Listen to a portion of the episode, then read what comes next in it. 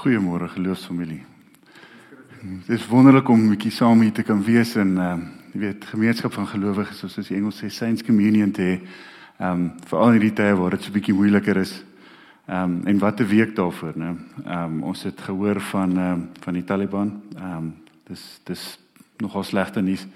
Ehm um, wat ons nie so hard van gehoor het nie, Zambië het 'n het 'n ehm um, regeringsoorgang gehad sonder enige ehm um, bloedvergieting en dit was wonderlik. Baie mense het daarvoor gebid en ons prys die Here daarvoor. Uh, hier by ons is dit nog so 'n bietjie moeiliker. As mens 'n bietjie nuus kyk, is dit nogal steurend. Ons hoor uh, die regering weer besig met goeters. Ehm um, dit is maar moeilik om te verstaan hoe dinge gebeur soms. En dit maak mens nogal ehm um, voel dat daar nie altyd geregtigheid is nie, né? Voel asof kriminele wegkom met goeters en Ek moet sê as ek nog iemand een keer hoor COVID sê, dan ehm um, ek weet nie wat ek gaan doen nie. So, wat ons vandag gaan doen is ons gaan nie praat oor die olifant in die kamer of die elephant in the room soos hulle sê nie. So, ehm um, ek wil gepraat wat oor wat vir my regtig belangrik is en ek uh, gebid vir 'n boodskap en ek hoop hierdie boodskap resoneer regtig met julle dat dit vrugbare grond by julle vind en dat dit kan wortel skiet en in groei. Ehm um, ek wil graag met julle praat oor ehm um, 1 Korintiërs 1 vanaf vers 26. So hierdie is Paulus se brief aan die Korintiërs en ehm um, gaan saam met julle hierdie lees. Dink maar net broers aan wat julle was toe julle geroep is. Volgens die opvatting van mense was daar nie baie geleerdes of baie invloedrykes of baie mense van aansien onder julle nie. En tog wat vir die wêreld onsin is, het God uitget kies om die geleerdes te beskaam. En wat vir die wêreld swak is, het God uitget om die sterkes te beskaam en wat vir die wêreld sonder aansien of betekenis is ja wat niks is nie het God uitget om wat iets is tot nut te maak. Voor God het geen mens dus iets om op te roem nie. Aan God is dit te danke dat jy met Christus Jesus verenig is. Hy het vir ons geword soos die wysheid wat van God kom die vryspraak die heiliging en die verlossing. Daarom soos daar geskrywe staan die wat wil roem moet in die Here roem. Wat my betref broers, toe ek na julle toe gekom het om die geheimenisvolle waarheid van God aan julle te verkondig, het ek nie met hoë woorde of groot geleerdheid gekom nie. Ek het my voorgenem om julle oor niks anders te praat as oor Jesus Christus en waaroor hom as die gekruisigde. Bewus van my swakheid en met groot angs en huiwering het ek na julle toe gekom. Die boodskap wat ek verkondig het, julle nie oortuig nie nie die geleerdheid of welsprekendheid nie, maar deur die kragtige werking van die Gees. Dis is julle geloof nie op wysheid van mense gegrond nie, maar op die krag van God.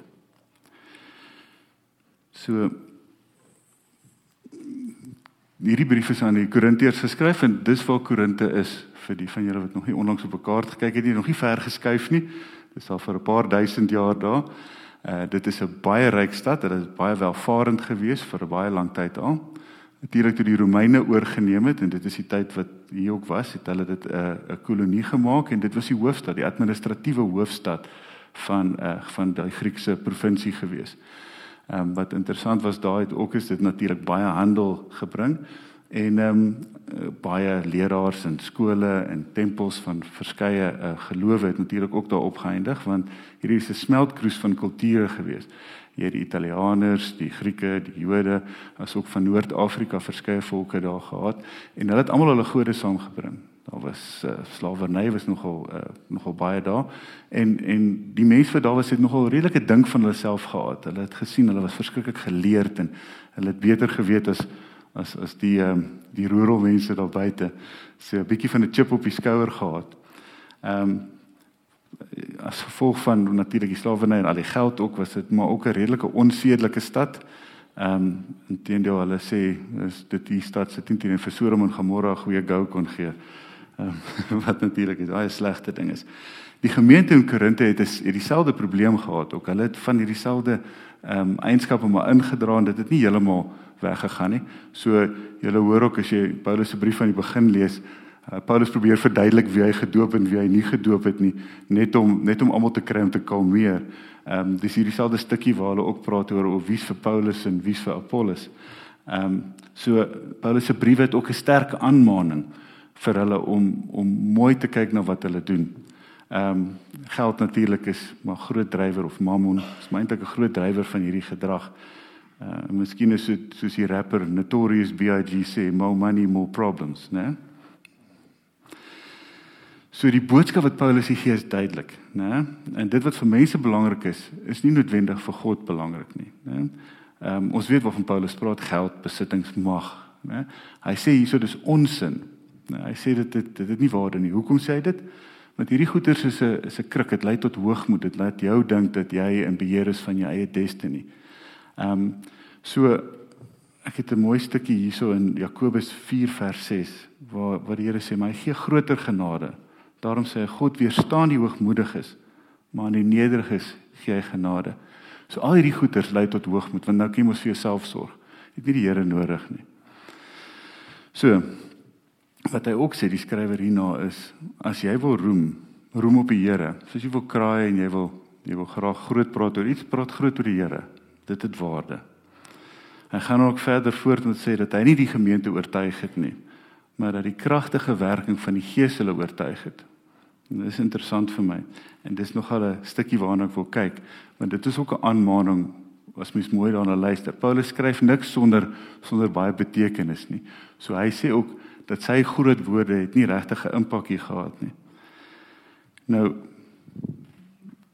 Kom ons kyk bietjie meer daarna. So Paulus sê ook in daai stukkie bewus van my swakheid met groot angs en huiwering, né? Ehm um, so hy moet nou sy werk gaan doen in hierdie land. Hy's 'n Jood en in hierdie is natuurlik 'n 'n 'n stad van die Gentiles of die onbesnededes, so die Jode na hulle sou verwys. En dit is 'n wille plek, né? Soos ons nou al reeds gepraat het ook daaroor. So dit klink vir my asof hy twyfel, né? Met groot angs en huiwering moet ek hierdie boodskap vir julle bring. En Paulus is 'n geleerde man. Ja, ons weet daarvan hy het um, hy het 'n uh, paar run-ins gehad met die met die Romeinse owerhede en hy het eintlik oor die algemeen goed daarvan afgekom want hy was geleerd. Ons het ook weet ook van sy van sy geskiedenis dat hy 'n uh, fariseer was en dat hy dat hy hoogs geleerd was in die, in die Joodse reg ook. So hy's 'n man wat wel te tale is. So hoekom sal hy dan nou bang wees om met met hierdie mense te praat? Ehm um, mense nogal dink in 'n stad wat vol is van mense wat gedink wat dink hulle is geleerd is dat dat hulle iets in gemeen sal hê. So hoekom twyfel hy? Ek dink dis heel moontlik omdat hy onder aanval was, né? Die vyand gebruik mos maar uh twyfel as een van sy instrumente. Ons weet dit kom uit uit woede, haat en angs uit, né? En en twyfel is maar 'n kind van angs. Ehm um, en hierdie goeters kan hierdie goeters kan by jou in krakies inkom en dan kan jy begin wonder, oef, het ek die regte Ekskuus, het ek die regte woorde hierso? Gaan ek die mense kan oortuig? Ehm um, angs is nie noodwendig 'n slegte ding nie, net om dit te sê. As jy moenie oor 'n hoofpad gaan hardloop nie, dit is 'n slegte idee. En die rede dat jy angs het is oor dat dit 'n slegte idee is. Dit is daar's gesonde angs ook. Maar hierdie angs steel jou vrede. Hierdie beskerm jou nie. Dit keer dat jy iets doen. Dit keer dat jy daai stap in geloof neem en iets gaan doen, uitreik. Ehm um, onsselfde Paulus skryf in sy brief aan Timoteus, uh die tweede brief, 1 vers 7. Want God het nie vir ons 'n gees van vreesagtigheid gegee nie, maar van krag, liefde en selfbeheersing. So vrees en angs is nie van die Here af nie. Dis die vyand se manier om jou lam te laat. Ek moet sê, ek kan eintlik nogal met Paulus bietjie vereenselwig in hierdie situasie ehm um, in my werksomstandighede doen ek gereeld aanbiedings en ek praat gereeld voor mense en dan is mens met met jou kennis en alles wat jy bymekaar gemaak het nou reg om hierdie aanbieding te doen. So dis nie eintlik 'n probleem nie net dit dis maklik. En toe ek die eerste keer in kerk moes kom woordbring toe was dit nou nie so maklik vir my gewees nie met ewe skielik kom myself dit twyfel en ooh nou moet ek praat vir mense wat gaan hulle dink? Gaan my boodskap vervelig wees? Gaan hulle sit en dink ooh gaan ek net klaar maak ehm um, gaan uh, gaan my gedagtes dwaal en dan kom maar twyfel en gaan sê ouma, hy is ook nie perfek nie, né? Kyk hoe sê hy nou ons moenie hierdie doen nie. Daar staan hy. Né, wie's ek om daai boodskap te bring? En dan het ek ook nie so weelderige baard soos Dominee Stefan nie.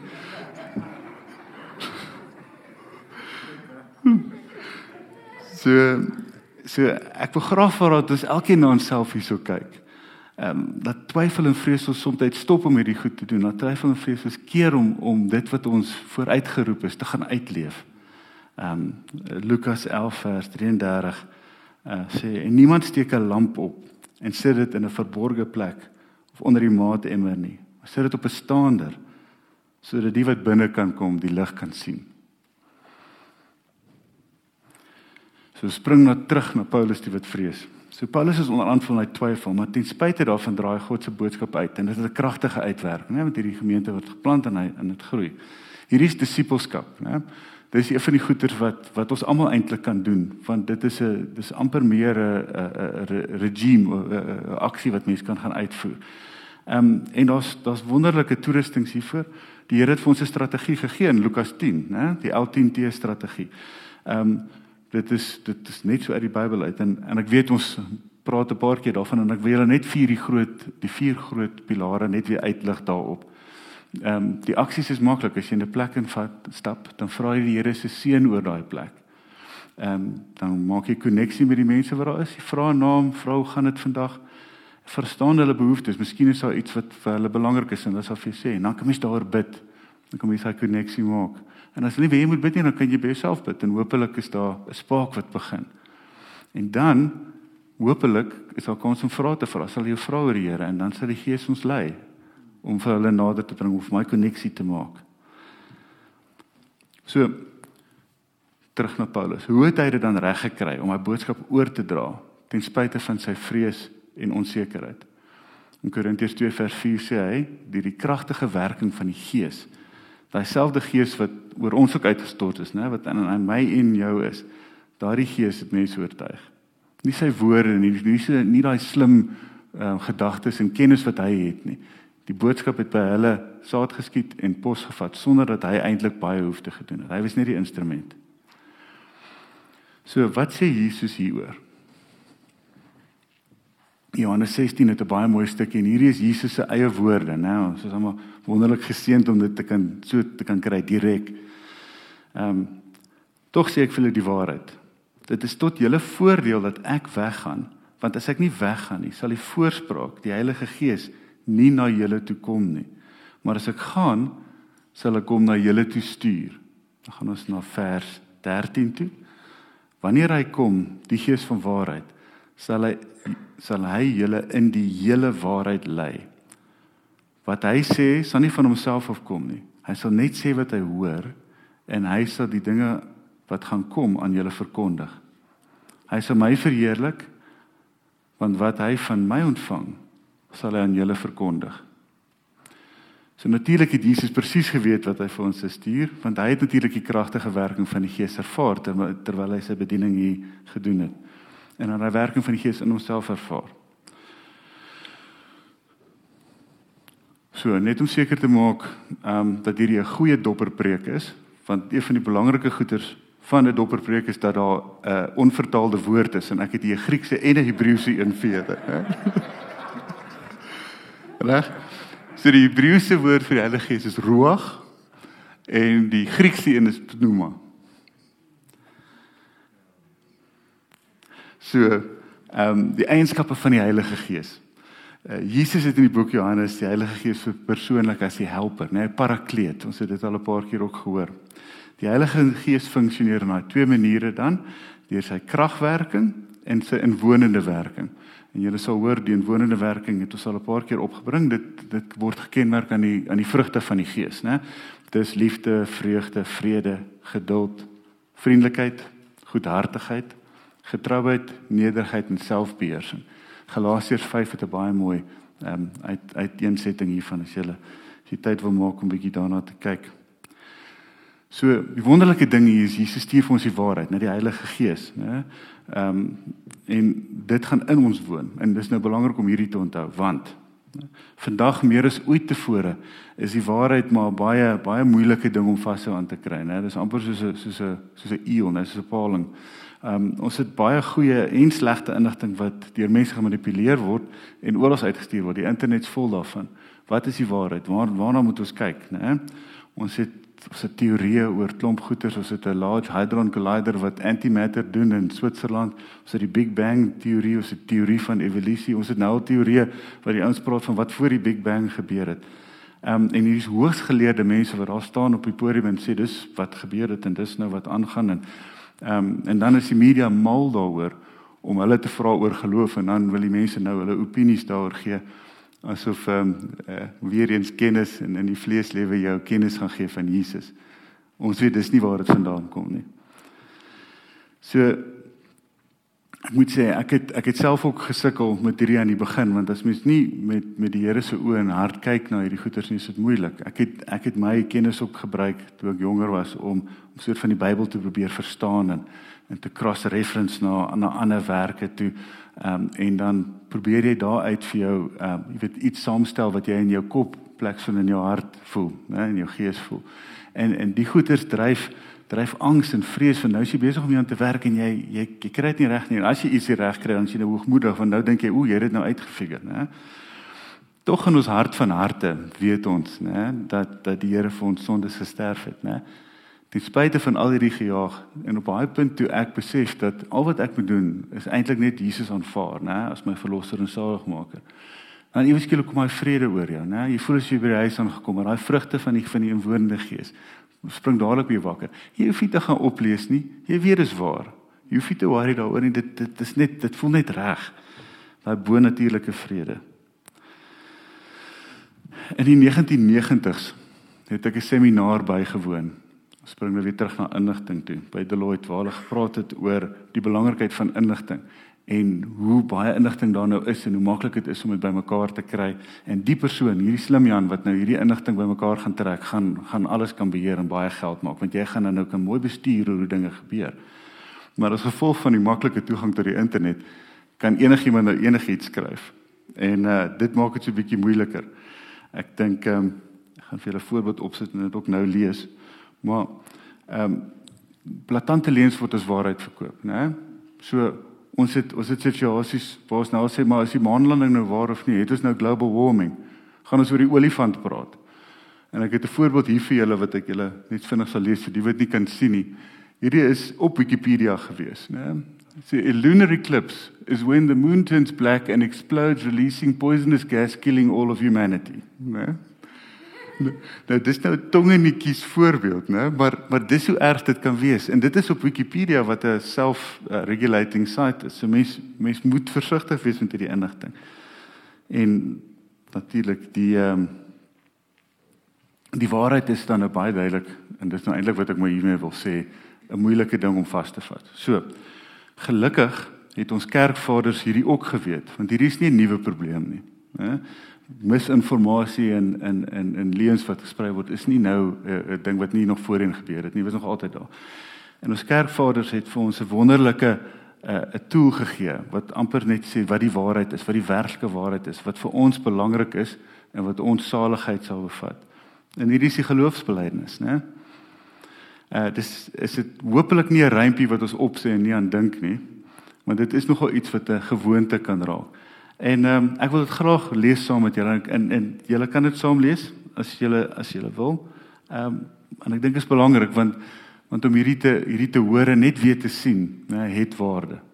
So ek glo in God die Vader, die almagtige, die skepper van die hemel en aarde en in Jesus Christus, sy eniggebore seun, ons Here, wat ontvang is van die Heilige Gees, gebore uit die maagd Maria wat gelei het onder Pontius Pilatus, gekruisig is, sterf het en begrawe is en neergedaal het na die hel, wat op die derde dag weer opgestaan het uit die dood, wat opgevaar het na die hemel en sit aan die regterhand van God, die almagtige Vader, waarvandaan hy sal kom om die lewendes en die dooies te oordeel. Ek glo in die Heilige Gees. Ek glo in 'n heilige algemene Christelike kerk die gemeenskap van die heiliges, die vergifnis van sondes, die opstanding van die liggaam en die ewige lewe. Dis waarna ons moet glo. As ons al hierdie ander goeters hoor en ons is nie seker nie, dan dan hierdie is waarna ons moet vashou. Hierdie moet ons anker wees. This must be our one true thing. Daai daai vlam wat in ons vas posvat. Ons weet die waarheid, ons weet dat hierdie die waarheid is en dat natuurlik die rede hoekom ons dit weet is die kragtige werking van die Gees. As ek hierdie lees, dan kan ek voel met dit dit is die waarheid. Dit is wat by my resoneer. En ek hoop dit is dieselfde by julle. Dis dieselfde Gees wat in Jesus was, né? Wat in sy disippels was in ons. Daai selfde Gees, daai selfde krag is in ons ook. Né? En hierdie gees laat ons vrugte dra. So die vraag wat ek vir vir ons wil stel is dra ons dit uit in die wêreld, dra ons hy vrugte? Kan ons 'n verskil maak? Weet ons is almal besig, daar's baie goeders om te doen. Die lewe vereis baie dinge van ons. Ons moet eet. Daar ehm um, is maar moeilik in hierdie wêreld soms, né, om al die uh, verantwoordelikhede te balanseer. En as ons die belydenis opsê, kan ons dit glo en dan net daar los. Ons is mos nou gered. Ons het uh, die Here sê ons moet glo en dan dan se dit. Moet ons iets daarmee doen, kan ons meer doen, dan is hierdie vrugte dra. Jesus gee vir ons ook 'n baie mooi voorbeeld in Matteus 6 vers 20, né? Waar hy sê ons moet skatte in die hemel bymekaar maak, nie op aarde nie. So dis wat ons moet doen met hierdie wonderlike geskenk wat hy vir ons gegee het, hierdie hierdie vryheid wat ons het, né?